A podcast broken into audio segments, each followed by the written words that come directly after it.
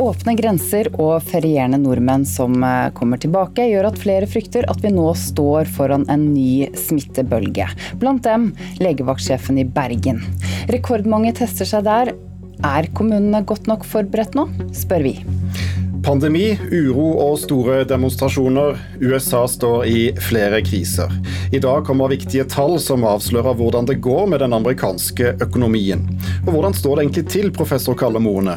Det er rekordhøy arbeidsløshet og uten noen klare tegn til oppgang, dessverre. Fraflytting er jo et problem mange steder i Distrikts-Norge. Men i Vindafjord har de funnet en oppskrift på hvordan de kanskje kan bli mer fruktbare. Så får vi teste. Det er jo verdt et forsøk, i hvert fall. Om ikke annet så smaker det godt, sier de. Velkommen til eh, Nyhetsmorgen, i dag med Ida Creed og Thomas Alverstein Ove i studio. Legevaktsjefen i Bergen er veldig bekymret. Ja, for kombinasjonen av åpne grenser, ferierende som kommer tilbake til Norge og gjenåpning av skoler gjør at legevakten oppbemanner. Jeg tror vi får enda travlere, altså enda større pågang. Hei, hei, har du time til test? Ja. Aldri før har så mange testa seg for koronasmitte ved legevakta i Bergen. Den siste veka har rekordhøye 1400 personer testa seg, ifølge fungerende legevaktsjef Anette Korridon. Det er en kombinasjon av, av, flere ting. Både at folk kommer hjem fra ferie, vi har helsepersonale som må testes nå, øhm, og så har vi også en del som faktisk har symptomer fra luftveiene, og de skal selvfølgelig testes. Jeg har nå følt meg litt at jeg har kanskje litt snu og litt sånn at jeg så jeg tenkte jeg skulle stikke oppom her. Og bare for å sjekke ut. Da. Onsdag ble det registrert nye koronasmitter i både Bergen og Sveio. Ifølge Folkehelseinstituttet er det nå registrert 114 nye smittetilfeller nasjonalt de siste to ukene. 56 av disse har blitt smitta på reise i utlandet. Jeg er veldig bekymret. Jeg frykter jo at vi får en kjempeøkning nå her når øh, Grænserne er åpne, folk kommer tilbake fra ferie, skoler skal, skal åpne. Øh, og nå begynner vi så snart å nærme oss høsten, øh, hvor vi jo alltid ser en hel del luftveissymptomer. Øh, så jeg er veldig bekymret for at det kommer til å øke. Den bekymringa er også årsaka til at Bergen kommune i går lyste ut ti nye mellombelse stillinger ved legevakta. Målet er å ha de på plass allerede neste uke. Det kan bli aktuelt med flere, men vi skal begynne å teste også på kveldstid, fordi det er så stor pågang nå. Men vil du si det er kritisk på det nivået som vil komme de neste ukene? Jeg håper ikke det blir kritisk. Jeg håper vi får det til. Vi har ført klart å løse alle problemerne her rundt koronaen, så jeg, jeg tror vi får det til. Men det er, det er litt hektisk. Legevaktsjefen registrerer også at tallet på pasienter med rinovirus som smitter på samme måte som koronaviruset, fremdeles er veldig høyt. Så det er veldig bekymrende. Vi klarer nok ikke helt å holde smittevernrutinene lenger. Vi er blitt litt slitne, og vi orker ikke alle de restriksjoner. Vi har bare lyst til å leve som vi gjorde før. Og det går ikke lenger. Det sa fungerende legevaktsjef i Bergen, Anette Korridon. Reporter var Even Norheim Johansen. Overlege ved Folkehelseinstituttet, Preben Aavitsland, eh, du er med oss. Står Norge nå foran en ny smittebølge? Eh, jeg tror ikke det. Eh, jeg tror vi skal klare å holde dette under kontroll ved at lokale utbrudd, sånn som vi har sett i, Moss og Trondheim og Karmøy, ved at de oppdages tidlig Nettopp ved at en tester så mye, sånn som man gjør i Bergen, så oppdager man utbrudd tidlig og kan sette i verk tiltak lokalt før dette blir et regionalt eller nasjonalt problem. Er, det er jo målet. Er kommunene godt nok forberedt, da? Vi har iallfall gitt råd og eh, veiledning til alle kommunene om den type beredskap eh, de må ha, og hvordan de skal oppdage og håndtere utbrudd. Ehm, så er det nok varierende hvordan eh, kommunene er, klar, men eh, nå er det iallfall på tide at de forbereder seg for høsten med mulig eh, mer smitte som skal oppdages og stoppes. Kommunelegen i Moss sier til Dagsavisen at de ikke har vært tilstrekkelig forberedt. Der kom ikke folk gjennom når de ringte koronatelefonen. Og det har manglet både test og ikke minst analysekapasitet. Kan ikke dette fort gjelde veldig mange andre steder også i landet? jeg håper jo at sykehuslaboratoriene rundt i landet er klare nå til å ta imot mange flere tester etter hvert som folk blir litt forkjøla og, og, og, trenger å, å testes. Ja, hvor viktig er det å få raskt svar på disse testene? Det er veldig viktig. Vi må ha svaret i løpet av et døgn, sånn at vi kan følge opp de som har positiv test, og finne deres kontakter, og, og på den måten nøste opp smittesituasjonen og, og, stoppe videre smitte. Vi hørte på denne pressekonferansen i Moss i går at det tar lengre tid enn ett døgn å få svar på koronatestene. Man venter på minst 190 prøver der nå. Hva syns du om det? Nei, Jeg syns det er for dårlig av, av det lokale laboratoriet.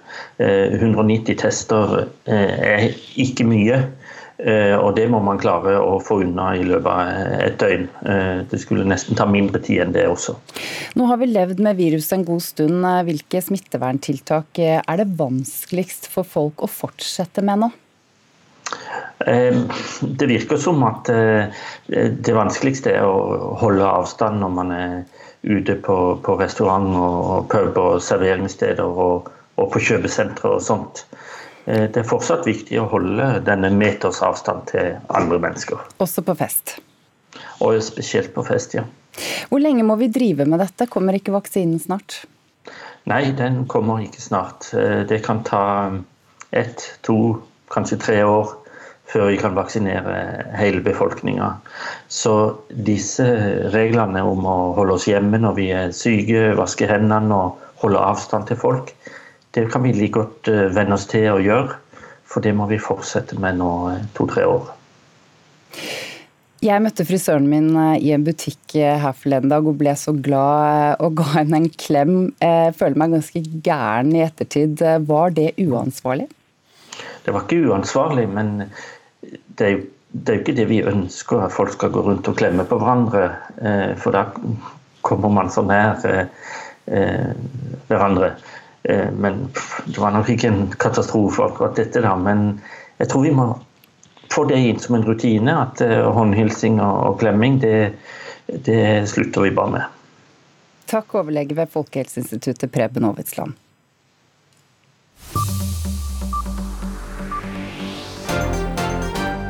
Dette har skjedd mens du eh, sov, eller i hvert fall skulle ha sovet. Brasil har gjenåpnet grensene for utlendinger som kommer til landet med fly. Målet er å berge en hardt rammet turistindustri. Samtidig stiger tallet på koronarelaterte dødsfall til over 90 000 i landet. Kommer du til Brasil via land eller sjø, blir innreiseforbudet derimot forlenget med 30 dager. Politiet og frivillige leter etter en mann i 70-årene som ikke har kommet tilbake til hytta som avtalt etter en eh, tur til eh, Svelmyran i Sigdal. Det søkes med hundepatruljer og helikopter. Mannen skal være turvant, ifølge politiet. Hvalen Valdimir måtte få hjelp av viltnemnda etter at den hadde forvillet seg opp i Målselva i Troms. Tre båter fra viltnemnda rykket ut for å lokke hvalen tilbake i fjorden.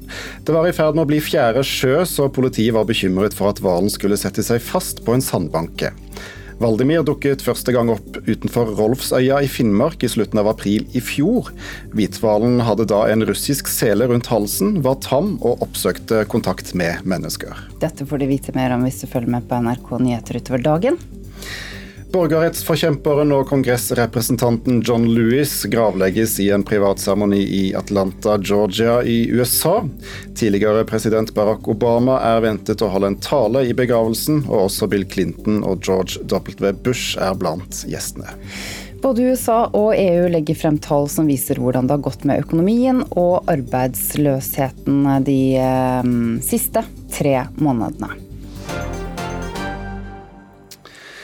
I et intervju med NRK vil Arbeiderpartileder Jonas Gahr Støre ikke avvise at Trond Giske kan komme tilbake i en sentral rolle i partiet. Det er to og et halvt år siden Giske måtte gå av som nestleder i Ap etter varsler om seksuell trakassering og upassende oppførsel. Marianne Martinsen og Jette Christensen er to Ap-politikere som har varslet at de ikke stiller til gjenvalg, og at Giske-saken er en av grunnene til det. Til NRK sier Støre at ingen er uunnværlige, at, at, de skal være takknemlige for at de har fått lov til å forvalte det ansvaret det er å bli valgt. Det har han fått kritikk for i sosiale medier, bl.a. Eh, av deg, Morten Myksvold, eh, kommentator i Bergens eh, Tidende. Du skrev på Twitter at dette er bare rart. Hva er det som er så rart med dette? Det, det første som er rart, er at Støre ikke kan avvise at Trond Giske kan bli statsråd neste år. Dette er en person som måtte gå av som nestleder i, i Arbeiderpartiet fordi han hadde brutt partiets retningslinje om seksuell trakassering. Og når Eh, når eh, Jonas Gahr Støre sier at en må ha bunnløs tillit for å bli statsråd, eh, så kan jeg ikke skjønne at, han, at Trond Giske kan være aktuell. Og Da kunne Støre ha avvist det i intervjuet med NRK. Men det som egentlig er rarere, er den det sparket mot Marianne Martinsen og Gjerte Christensen, og der han egentlig sier at de burde være takknemlige for å få lov å hatt de posisjonene de har hatt og representert partiet som de har gjort på Stortinget. La oss, høre, som... la oss høre hvordan han eh, ordla seg der. Ingen er uunnværlige. Det kommer nye, spennende mennesker. Eh, og jeg syns det at de som takker for seg, de kan eh, takke for seg. Og så skal de også være takknemlige for at de har fått lov til å forvalte det ansvaret det er å bli valgt. Støre understreker i etterkant av intervjuet at han eh, er svært takknemlig for, eh, for, tos, eh, for kvinnenes innsats for Arbeiderpartiet over mange år. Vitner disse uttalelsene likevel om at metoo-kampanjen ikke har blitt tatt seriøst i partiet?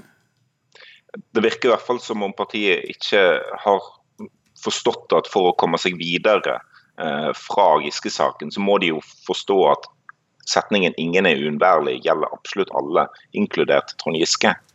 Hver gang han stiller til nye tillitsverv, så skaper det nye og, og, og spenninger i partiet. Det river og sliter i partiet, fordi det er ganske mange som ikke kan ha tillit til han eh, i partiapparatet, men òg eh, som statsråd. Eh, så, så det, den saken kommer til å, å ri Arbeiderpartiet inn i neste år hvis, hvis uh, Giske fortsatt skal, skal, hige etter posisjoner.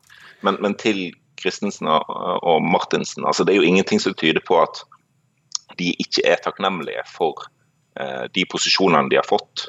Uh, tvert imot så, så, bare går de ut av partiet og kritiserer partiet på vei ut pga. håndteringen. og det må de jo kunne gjøre, at de skal få kritikk av partilederen sin på vei ut for å ha gjort det.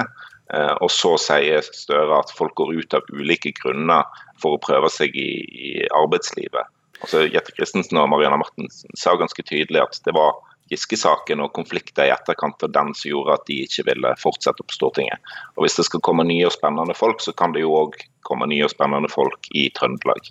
Hvor vanskelig kan disse uttalelsene fra Støre bli for både ham som partileder, men, men også for partiet som sådan? jeg, jeg, tror nok det er ganske mange som forstår at, uh, at Støre ikke ville svare på et hypotetisk spørsmål om Giske, selv om han burde gjort det. Uh, men det er jo eh, denne, dette lille sparket mot Christensen og, Martinsen som jeg tror uh, svir litt for folk i Arbeiderpartiet.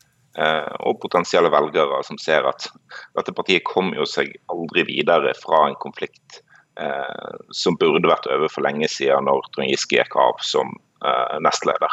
Det er et, et av landets viktigste tillitsverv. Eh, Støre ble spurt om Giske var klar for, og han kunne ikke avvise det, selv om, eh, selv om han hadde brutt tilliten som nestleder for bare to og et halvt år siden. Må spørre deg kort til slutt, Tror du dette er en måte å åpne for, for Giske på, eller er det bare en støresk måte å uttale seg på? Nei, jeg, jeg heller nok mot det siste, at Støre ikke ville gå inn på å, svare på spørsmålet. Men, men i, i, en sånn sak som dette her, så er selv ingen kommentar en kommentar. Uh, han burde tatt stilling. Takk skal du ha, Morten Myksvold, politisk kommentator i Bergens Tidende.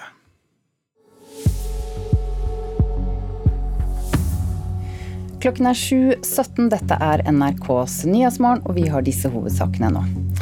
Rekordmange testes for koronavirus i Bergen etter oppblomstring av smitte i Moss og andre steder i landet. For dårlig analysekapasitet gjør at mange må vente mer enn ett døgn på testsvaret.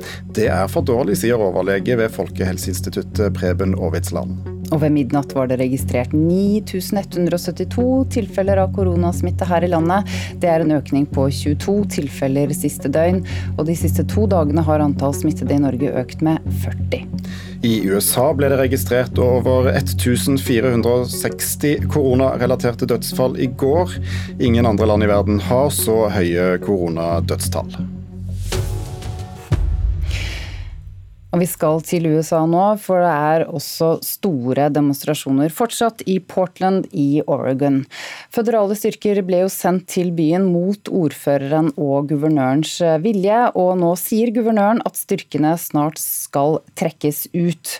Reporter Lars Os med fra Portland, hva er siste nytt, skal de føderale styrkene trekkes ut? Det virker som at det er kanskje litt uklart, men uh, guvernør Kate Brown har i dag nå sagt at uh, hun har gjort en avtale med Innenriksdepartementet, DHS, Homeland Security, om at de føderale styrkene som ble sendt til Portland for å passe på da det her føderale tinghuset spesifikt, de skal ut av byen. Men så sier da Homeland Security-sjefen Chad Wolf at eh, nei, vent nå litt. Eh, vi må være helt sikre på at eh, delstatspoliti og lokalt politi kan passe på den bygninga her. Og De må være helt sikre på det før de i hele tatt har lyst til å sende styrkene ut. Så Det er fortsatt litt uklart her hva som faktisk skjer, og eventuelt om når det vil skje. Hvorfor er det så kontroversielt med disse styrkene? Nei, Det er jo det demonstrantene har sagt til meg, de aller fleste. er jo det at De syns rett og slett at føderale myndigheter har sendt inn eh, styrker eh, inn til deres egen by, deres egen sfære. og og på en måte tar over eh, kontrollen over byen og bruker det som et eh, argument for at eh, de føderale myndighetene ser ned på det lokalt styret. Og så er det òg den taktikken som er brukt, for de har jo sett nå hvordan de her føderale styrkene prøver å, å slå ned på volden som er der. De er ganske aggressive og harde, og det er det mange som òg er, veldig, eh, er veldig negative til. Så I hvor stor grad er eh, Portland preget av denne konflikten akkurat nå? Portland er jo, eh, er jo en, forholdsvis stor by, iallfall hvis du ser det fra norsk målestokk. Eh, jeg har og kjørt litt rundt i byen og sett litt eh, hvordan det ser ut her. Du har finnerplater som er, er spikra f.eks. over Apple-butikken eller andre store kjøpesenter eller butikker i sentrum, men sjølve bråket og selve demonstrasjonene foregår jo egentlig i en radius på ett kvartal, ett til to kvartal. Så den her volden som vi ser hver eneste kveld, den, den sprer seg ikke noe veldig mye mer rundt i byen enn en bare en liten del, og det er da rundt det føderale tinghuset. Takk, reporter Lars Osme fra Portland. Og mens det altså er eh, protester flere steder i USA og eh, koronapandemien eh, viser stadig høyere tall i, i, dette landet, så har sentralbanken i USA bestemt seg for å holde styringsrenten uendret mellom 0 og 0,25 det ble klart etter et rentemøte i går. Styringsrenten blir ikke hevet før banken føler seg trygg på at økonomien er på bedringens vei. Og Det får vi kanskje noe svar på i dag, for da skal USAs regjering legge frem tall som viser den økonomiske utviklingen i eh, andre kvartal. Og Professor i økonomi ved Universitetet i Oslo, Kalle Morne, god morgen. God morgen. Denne rentebeslutningen, hva forteller den deg? Det forteller at de forutser at det er krise fortsatt. Og det er veldig viktig også for den sittende president å prøve å få til en liten oppgang før valget. Jeg tror de to tingene er viktige. Noe, noe uavhengig rentefastsetting, men eh, det er også et ønske fra, fra regjeringen eller fra presidenten. Hva regner du med regjeringen kommer til å presentere i dag? Nei, den, Hvis den holder seg til slik det faktisk er, så eh, det vet vi jo aldri. Men uh, hvis det gjør det, så vil de jo måtte presentere at det er rekordhøy arbeidsløshet og få tegn til oppgang. Hvis noen i det hele tatt. og Det er en veldig sammensatt krise. Det tror jeg ikke alltid er så godt forstått. At det er noen folk som har tapt inntekt, har tapt absolutt alt. Og så er det noen som ikke kan bruke de inntektene de har. Så de sparer mer enn de normalt ville gjøre, for de kan ikke bruke de tingene de normalt ville gjøre. Gå på restaurant, gå på utesteder, bruke til reise osv. Det er nedstengt. Mens det er andre som da har veldig begrenset etterspørsel fordi de har tapt sine inntekter og er på veldig lave arbeidsløshetsstøtteordninger. Regjeringen kommer altså med sine tall i dag, men dere økonomer vet jo noe allerede. Hva eh, Henger disse ulike opplysningene sammen? Altså, ja, det, det, Nå tror jeg av og til at en overdriver hvor mye økonomer vet, men, eh, men at jeg tror at det er godt akseptert i, i miljøet at, at utsiktene er dårlige. Eh, for eh, USAs økonomi, som i de fleste andre land. Og det er, det så det er en veldig spesiell nedstengning. Og Det er ikke bare nedstengningen i ett land, men, men, hvert enkelt land reagerer på nedstengningen i andre land. Så Det betyr at en har avsetningsvansker, mister markeder, mister leveranser fra andre land. Så det får en veldig sammensatt krise som det tar lengre tid å komme ut av enn de fleste andre kriser. Så det betyr at eh, resultatet vi får eh, vite fra USA i dag, det kan også ha innvirkning på oss her i Norge? Ja, det har, inn, det har innvirkning, eh, kanskje ikke direkte i Norge, men direkte, direkte, på den internasjonale økonomien, og derved for Norge, som er veldig avhengig av internasjonal økonomi.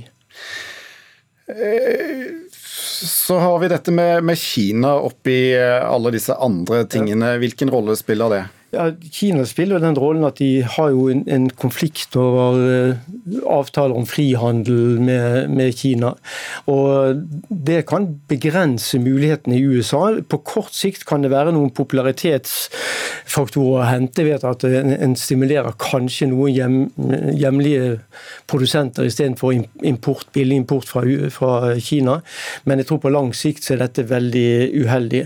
Og Generelt har jo den sittende president uh, gått litt lite inn for internasjonalt samarbeid. Ikke bare når det gjelder frihandel, men også i miljø og andre viktige saker. Både Norge, Kina og resten av verden ønsker jo verdensøkonomien eh, at, at, vi skal ha vekst i verdensøkonomien, at det skal gå bra. Men så ønsker mange også at Donald Trump skal tape valget. Og det er det størst mulighet for hvis eh, kvartalstallene i dag eh, er dårlige. Kan du forklare dette nærmere? Altså, noen ganger så snakker vi om en, eh, det som blir kalt for en bread and peace-teori for gjenvalg av sittende presidenter. Og en, en, sittende president blir gjenvalgt hvis det er mye brød, hvis det er stor vekst i privat disponibel inntekt til befolkningen, og hvis peace-elementet hvis det er få som har dødd i kriger som USA er involvert i. Dette er basert på liksom tidligere valg fra 1945 og frem til, eh, frem til dagens, eh, eller høstens valg. Men eh, i år er det veldig spesielt. for dette, I hvilken grad skal liksom presidenten få, få ta, ta, skylden eller æren for, eh, for, den rådende utvikling? Eh, det vet vi ikke. økonomisk utviklingen. Men han vil få en god del av skylden for det som ligner på krigsdødsfall, nemlig de høye dødsfallene i forbindelse med pandemien. Det er en avveining mellom kort og lang sikt. På kort sikt så vil, kunne tjene på, vil den sittende president kunne tjene på å og, og få sving på økonomien og bli gjenvalgt. Men kanskje amerikansk økonomi på lang sikt vil tape på det, for da har en fire nye år med kanskje ikke det verdens beste økonomiske ledelse. Takk skal du ha, Kalle Morne. Fraflytting er jo et problem mange steder i Distrikts-Norge, men i Vindafjord har de funnet en oppskrift som kanskje kan hjelpe. Det håper i hvert fall Elisabeth Kallevik Nesheim. Hun baker det hun kaller brunstbrød. Dette her er blanding av eh, havregryn, kli, eh, linfrø og livesh. Og ikke minst grovsalt. Og denne blandingen gjør at Elisabeth Kallevik Nesheim har utvikla et spesielt brød som hun kaller brunstbrød. Brunstbrød er noe som jeg faktisk har drømt om lenge å lage. Han er veldig, veldig smakfull. Brunsthemmeligheten skal ligge i urten livège, også kalt kjærlighetsurt. Den dyrker Elisabeth i bakgården. Kjærlighetsurt er liksom et gammelt eh, hjelpemiddel som de brukte før i tida til å få lettere brunst i kyrne. Så hadde de det i fôret, og så ble det flere kalver. Men nå blir kjærlighetsurten brukt til å få babyboom på bygda.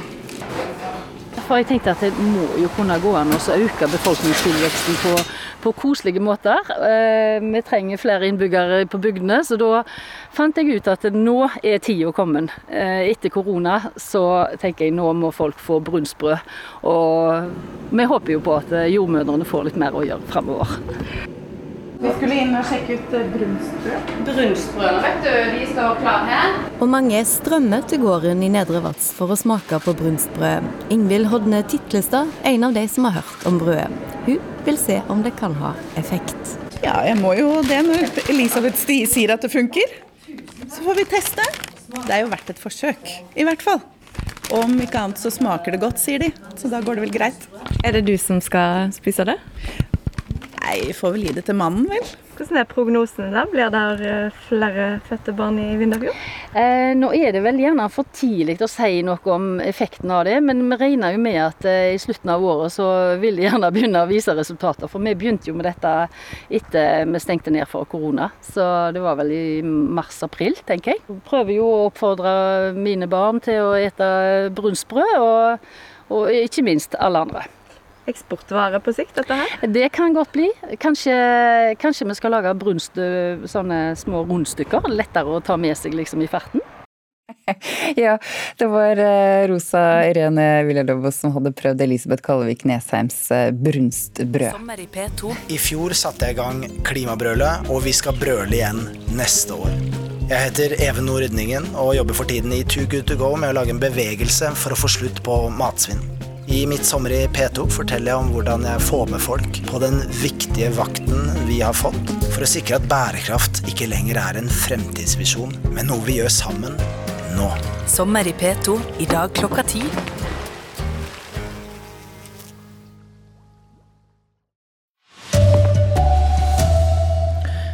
Kommunene har en nøkkelrolle for å hindre ny smittebølge, mener Folkehelseinstituttet. Mange frykter et nytt stort koronautbrudd. Brasil gjenåpner grensene til tross for at smittetallene øker. Håpet er å redde turismen. Og et nytt prosjekt skal gi lærerne bedre verktøy for å avdekke seksuelle overgrep mot barn. God morgen. Her er NRK Dagsnytt, klokka er 7.30. Ja, mange bekymrer seg for nye koronautbrudd her i landet de neste ukene, og flere norske kommuner forbereder seg nå på at det kan skje. Kombinasjonen av åpne grenser, ferierende som kommer hjem til Norge og gjenåpning av skoler gjør at bl.a. legevakten i Bergen nå ruster seg for nye utbrudd. Jeg tror vi får enda travlere, altså enda større pågang. Hei, hei, har du time til dass? Ja. Aldri før har så mange testa seg for koronasmitte ved legevakta i Bergen.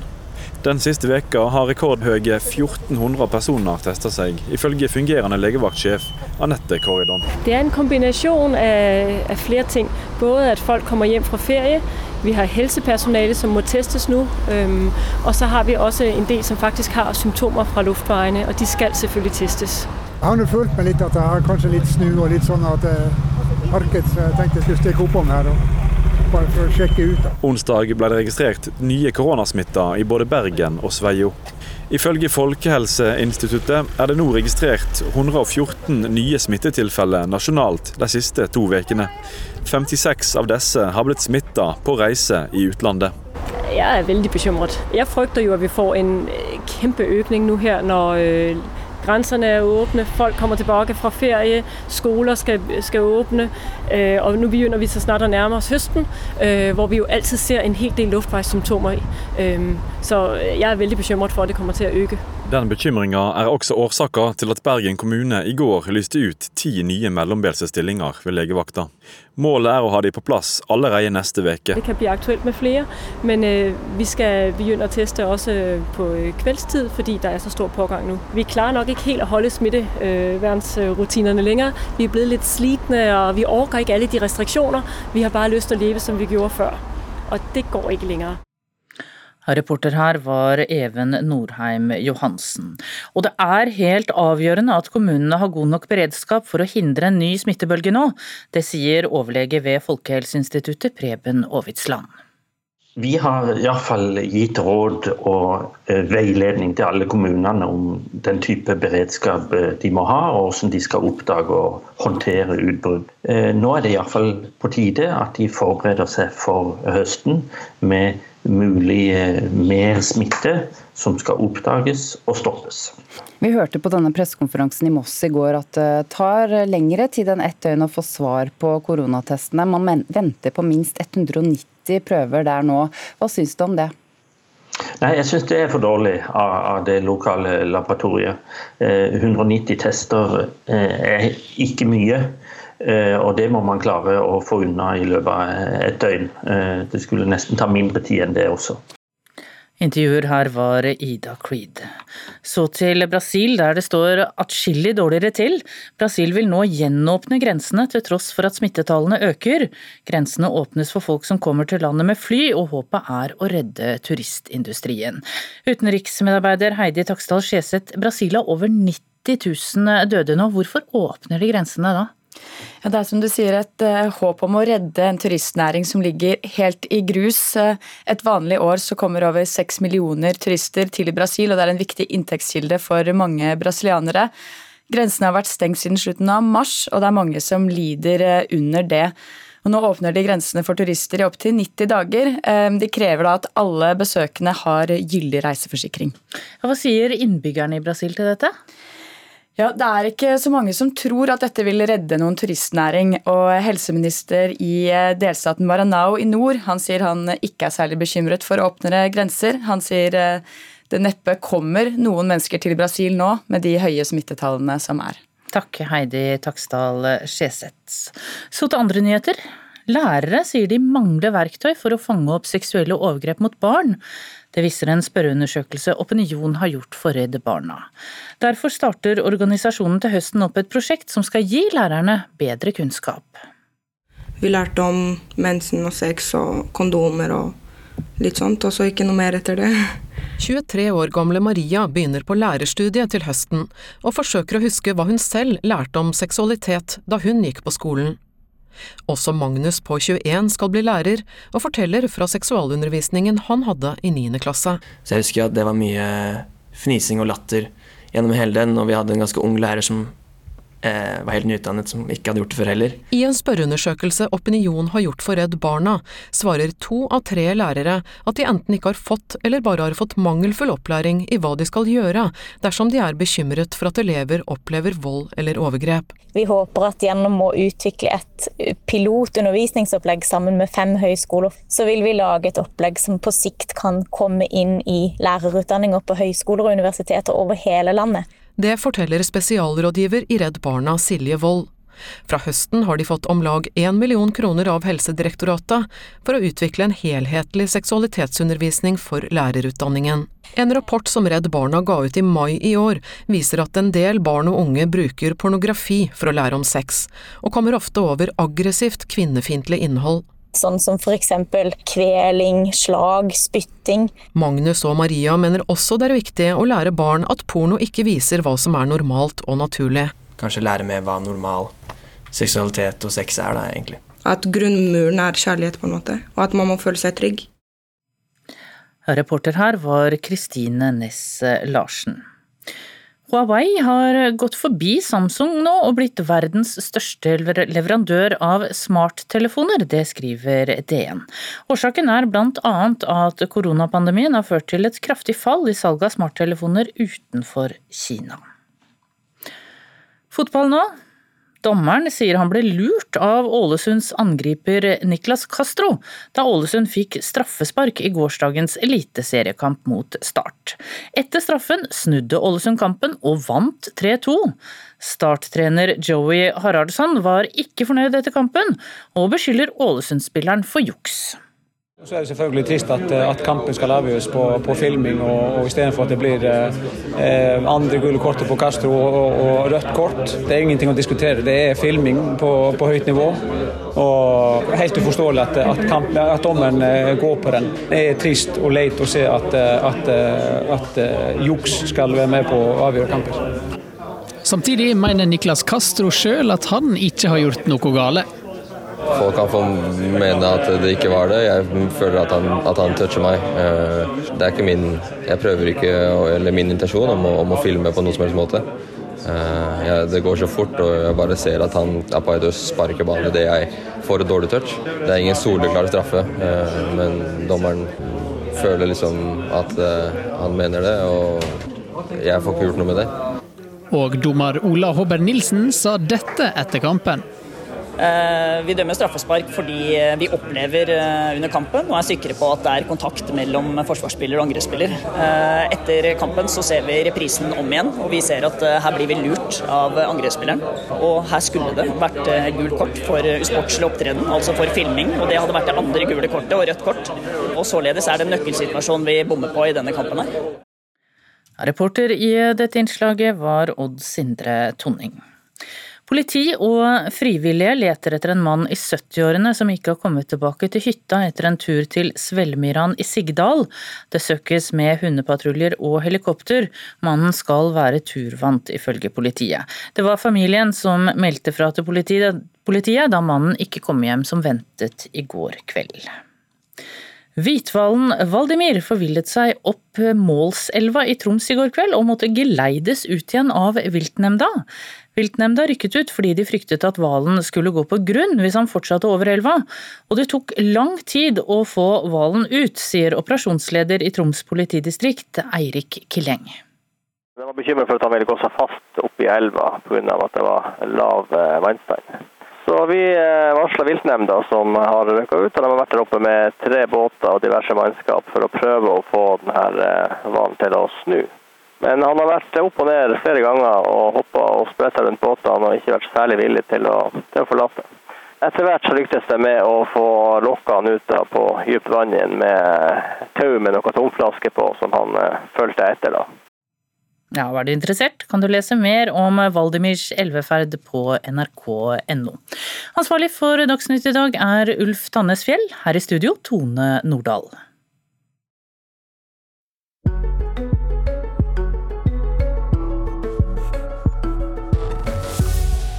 Dette er Nyhetsmorgen i NRK.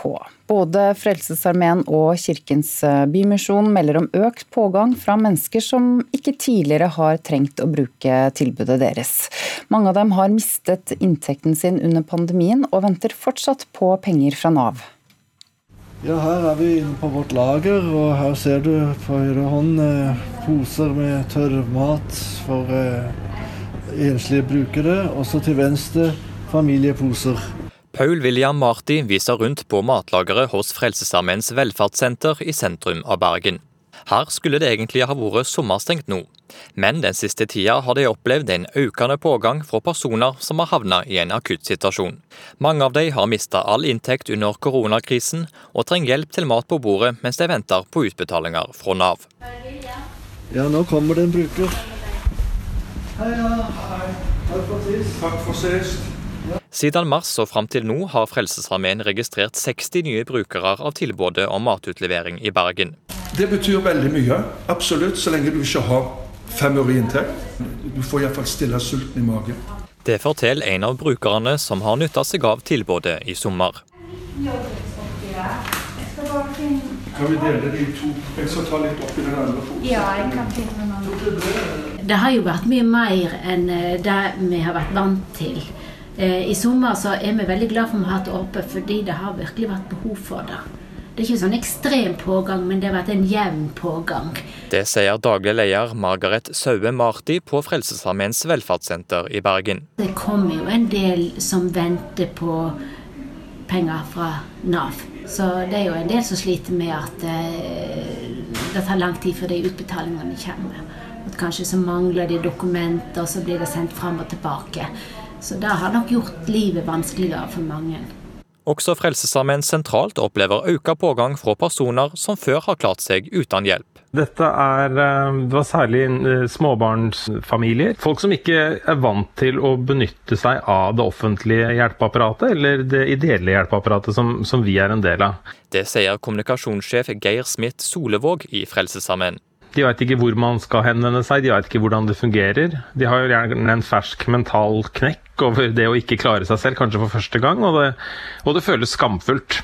Pågangen fra nye brukere merkes også godt hos Kirkens Bymisjon. Ja, Vi har nok det samme inntrykket som Frelsesarmeen. Eh, Kirkens Bymisjon sine medarbeidere rundt omkring i, i de norske byene melder det samme. At vi både at vi har hatt økt pågang eh, under koronakrisen, og at vi har møtt mennesker som vi ikke kjenner fra før.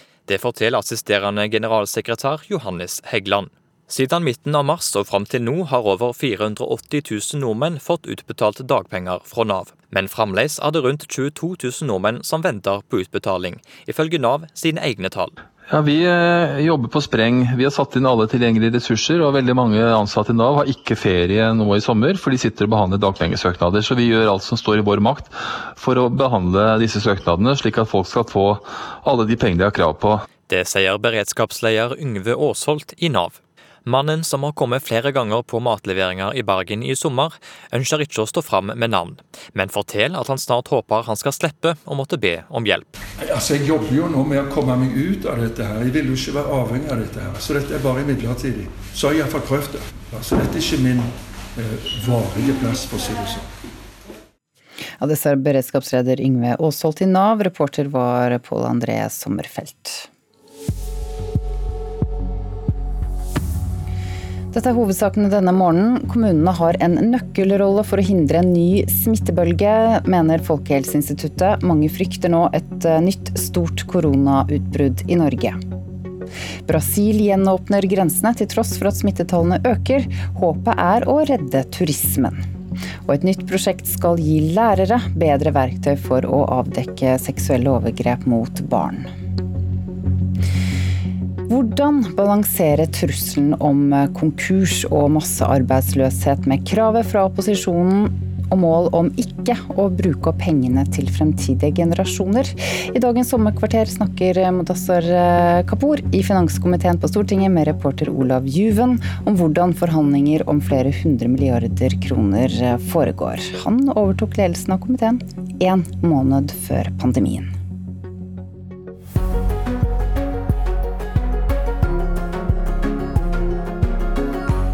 Mudassar Kapoor, Kapur, eh, leder av finanskomiteen på Stortinget. Du har sikkert sett ham på TV. Den alltid like høflige høyremannen med pakistansk bakgrunn på vei inn i eller ut av et av Stortingets møterom, eller der han fronter forliket om enda en krisepakke med smittevernfaglig korrekt avstand til journalister og medpolitikere i vandrehallen. Tre måneder i strekk ledet Mudassar Kapur forhandlingene om krisepakke etter krisepakke, om den intrikate oljeskatten og om revidert nasjonalbudsjett. Man tar jo den vakta man er satt opp på. Du tar den vakta du får. Eh, denne gangen så skjedde alt dette på min vakt, eller vår vakt.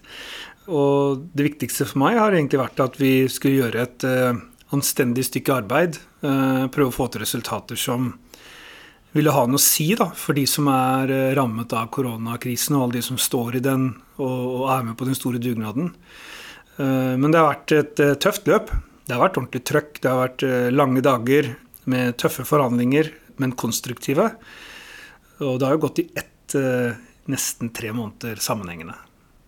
Og da hadde du bare vært eh, leder eh, i finanskomiteen en drøy måned etter at du overtok etter eh, Henrik Asheim da han ble, ble statsråd. Det var en bratt læringskurve? Ja, men det tror jeg faktisk var for alle som satt i de forhandlingene. Og egentlig også for regjeringen og, og andre ganske, ganske, erfarne politikere som har sittet på Stortinget ganske lenge. Jeg er jo selv i min andre periode. Og hadde bl.a. Uh, muligheten til å jobbe med uh, den uh, såkalte flyktningkrisen også i sin tid. Men, men denne, denne, krisen er jo den mest, hva skal vi si, markante langs mange flere akser ikke sant? Eh, siden andre verdenskrig. Så jeg tror alle fikk eh, både brukt all den erfaringen de har, men de fikk også lært veldig mye og fikk en erfaring de aldri har hatt før. Hva har vært det viktigste hensynet å ta i disse pakkene? Det viktigste har, har vært å komme bredt ut og raskt ut. Slik at uh, folk hadde en jobb å komme tilbake til, og at uh, folk og familiers økonomi ble sikra. Det var på en måte det viktigste i fasen. Så har man etter hvert uh, selvfølgelig lagt frem pakker som ser mer fremover, slik at vi også har en vei ut av krisen. Skal, mange av de utfordringene som lå der før krisen, vil jo fortsatt være der. Behov for å skape flere jobber, at flere fullfører videregående skole, det grønne skiftet. Eh, men, men, akkurat gjennom den intense våren her nå, så har vi jo sett at uh, vi fikk mange kriser oppå hverandre. ikke sant? Hvor du på en måte både fikk oljekrise, du hadde uh, koronakrisen, internasjonal handel har hatt en setback. Så veldig mange ting ble lagt oppå hverandre. Hva, hva, vi sitter igjen med på høsten, det, det vil vi jo se. Men, men, jeg tror dette er langt fra over. Jeg tror på en måte at koronavirus og sykdomsbildet, altså helsedelen, der tror jeg nok at kanskje Norge blir frisk før de andre. Men, eh, men, eh, men, effekten av det vil jo påvirke Norge lenge. Vi har en åpen økonomi. altså Det som kjøper handel, internasjonal handel, import, eksport, eh, reiselivsnæring. Det vil ta tid. Og, og så vet vi også at selv om man går fort fra, fra full til null, så tar det tid å gå opp til full igjen. Hvor godt føler du at dere har truffet med disse pakkene?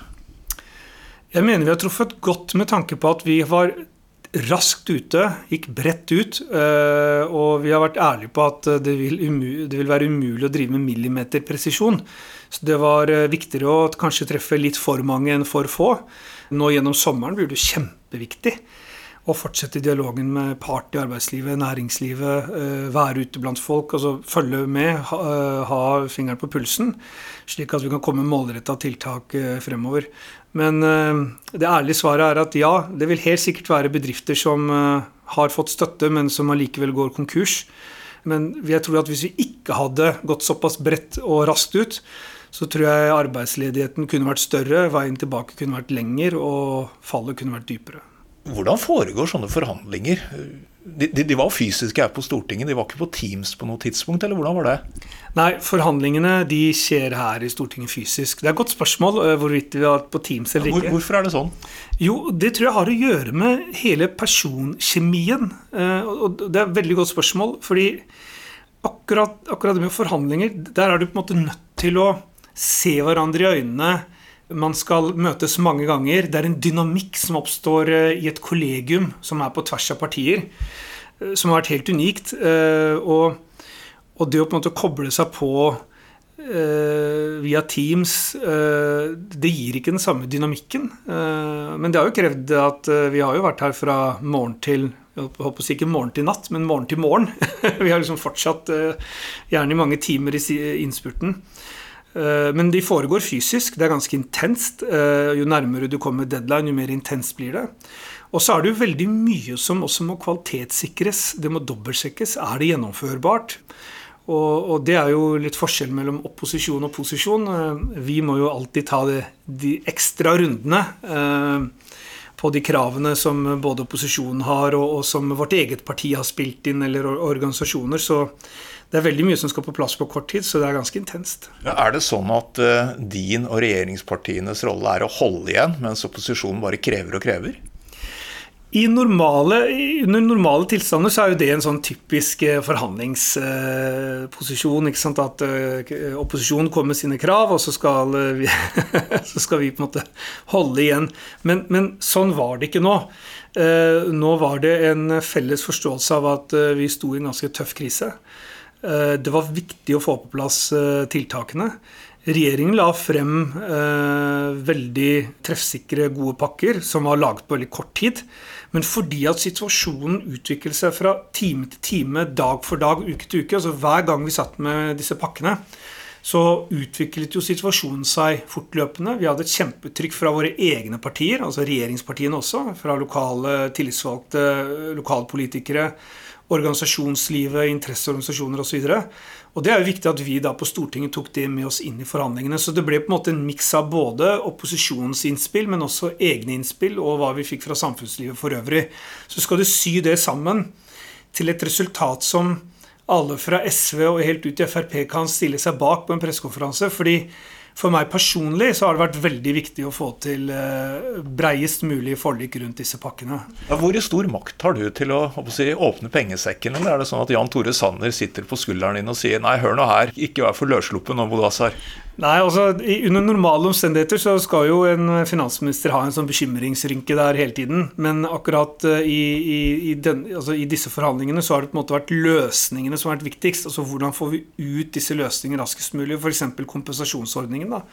da var det viktigst å få, få ut disse pengene så raskt som mulig. Og i forhandlingene så var det viktig at vi passet på at vi ikke lagde løsninger som kunne forsinke den prosessen. Hvem er den tøffeste forhandleren? Nå har jeg egentlig sittet og forhandlet med, med, hele opposisjonen, inklusiv Frp på den andre siden av bordet. Og i disse forhandlingene så er det vanskelig å peke ut, eh, peke ut på en måte én, én eh, part. Jeg tror eh, vår vanskeligste motstander har vel vært tiden. Følger dere smittevernreglene i disse forhandlingene? Ja, vi gjør så godt vi kan. Eh, og under forhandlingene så har vi fulgt disse smittevernsreglene. Spøkefullt så hadde jeg med meg en sånn lasermål en gang på et av komitémøtene. Sa at jeg kommer til å peke på alle og sørge for at det er nok avstand.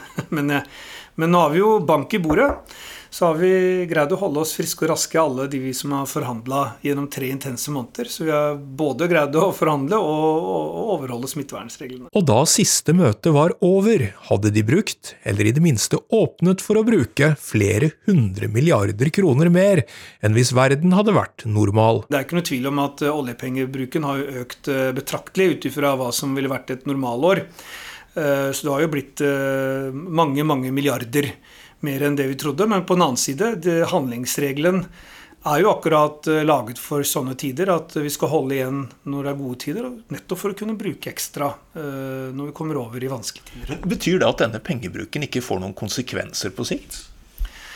Jeg tror at eh, jeg tror konsekvensene av å ikke ha pengebruken ville vært helt enorme. Jeg tror at arbeidsledigheten kunne vært større. Jeg tror fallet kunne vært dypere veien tilbake lenger. Så jeg tror det at vi har redda næringsliv, redda familiens økonomi, eh, sørget for at folk har en jobb å komme tilbake til, at de tingene har bidratt til at vår vei ut av krisen blir kortere. Eh, og heldigvis da, så bor vi i et land hvor vi slipper å ta opp lån og gjøre andre type, type ting, og, og kunne bruke verktøykassa. Men det må jeg si at eh, vi har brukt veldig mange milliarder kroner i løpet av kort tid. Det betyr også at eh, alle de der ute som har fått denne støtten, at eh, jeg håper at de bruker disse pengene med kløkt. At de også er med på den dugnaden som vil kreves når vi skal begynne å reversere og justere oss tilbake til normalen. Slik at vi igjen kan bygge økonomiske muskler.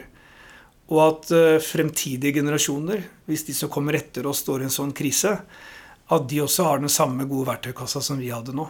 Mudassar Kapur ble født i Oslo av pakistanske foreldre for snart 44 år siden.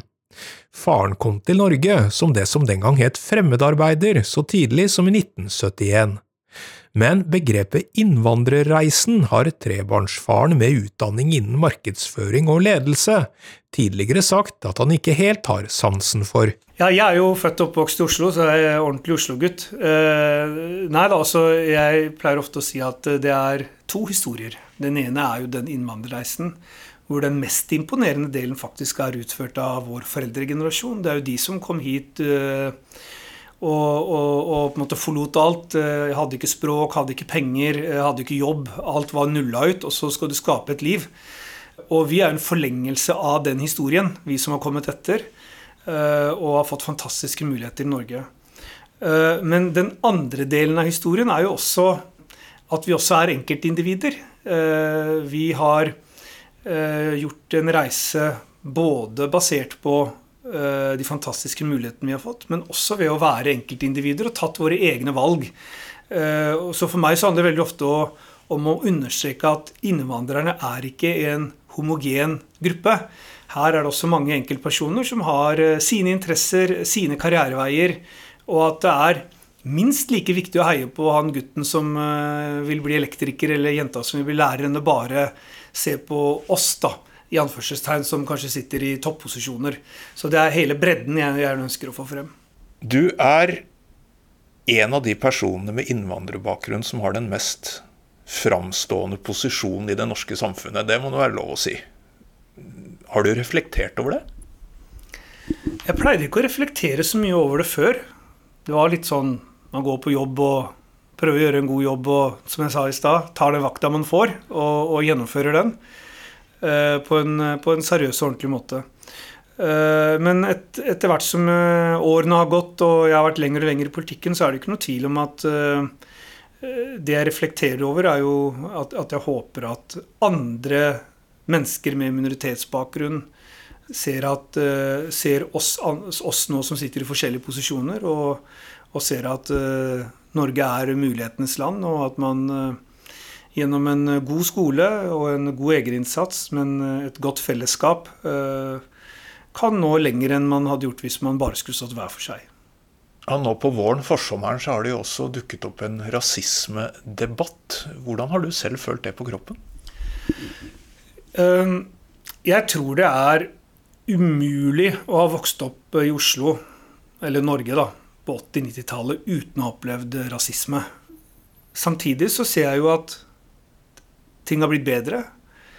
Eh, men vi må aldri bli naive. Altså, dette går aldri måte, over av seg selv. Vi må alltid gjøre den jobben. Det vil alltid være noen som syns det er Eh, fristende å hakke på folk som ser annerledes ut eller er svakere enn dem. Eh, dette går også inn i et større stykke arbeid som jeg alltid har vært, veldig opptatt av. det er jo å ta vare på de minoritetene. Da, altså om, det er, eh, om det er seksuelle langs den seksuelle aksen, eller om det er funksjonshemming. altså en minoritet altså, vil alltid være eh, sårbar. Og det er viktig for majoritetssamfunnet å, å stille opp for dem. Eh, og rasismedebatten viser jo også at den kampen aldri er over.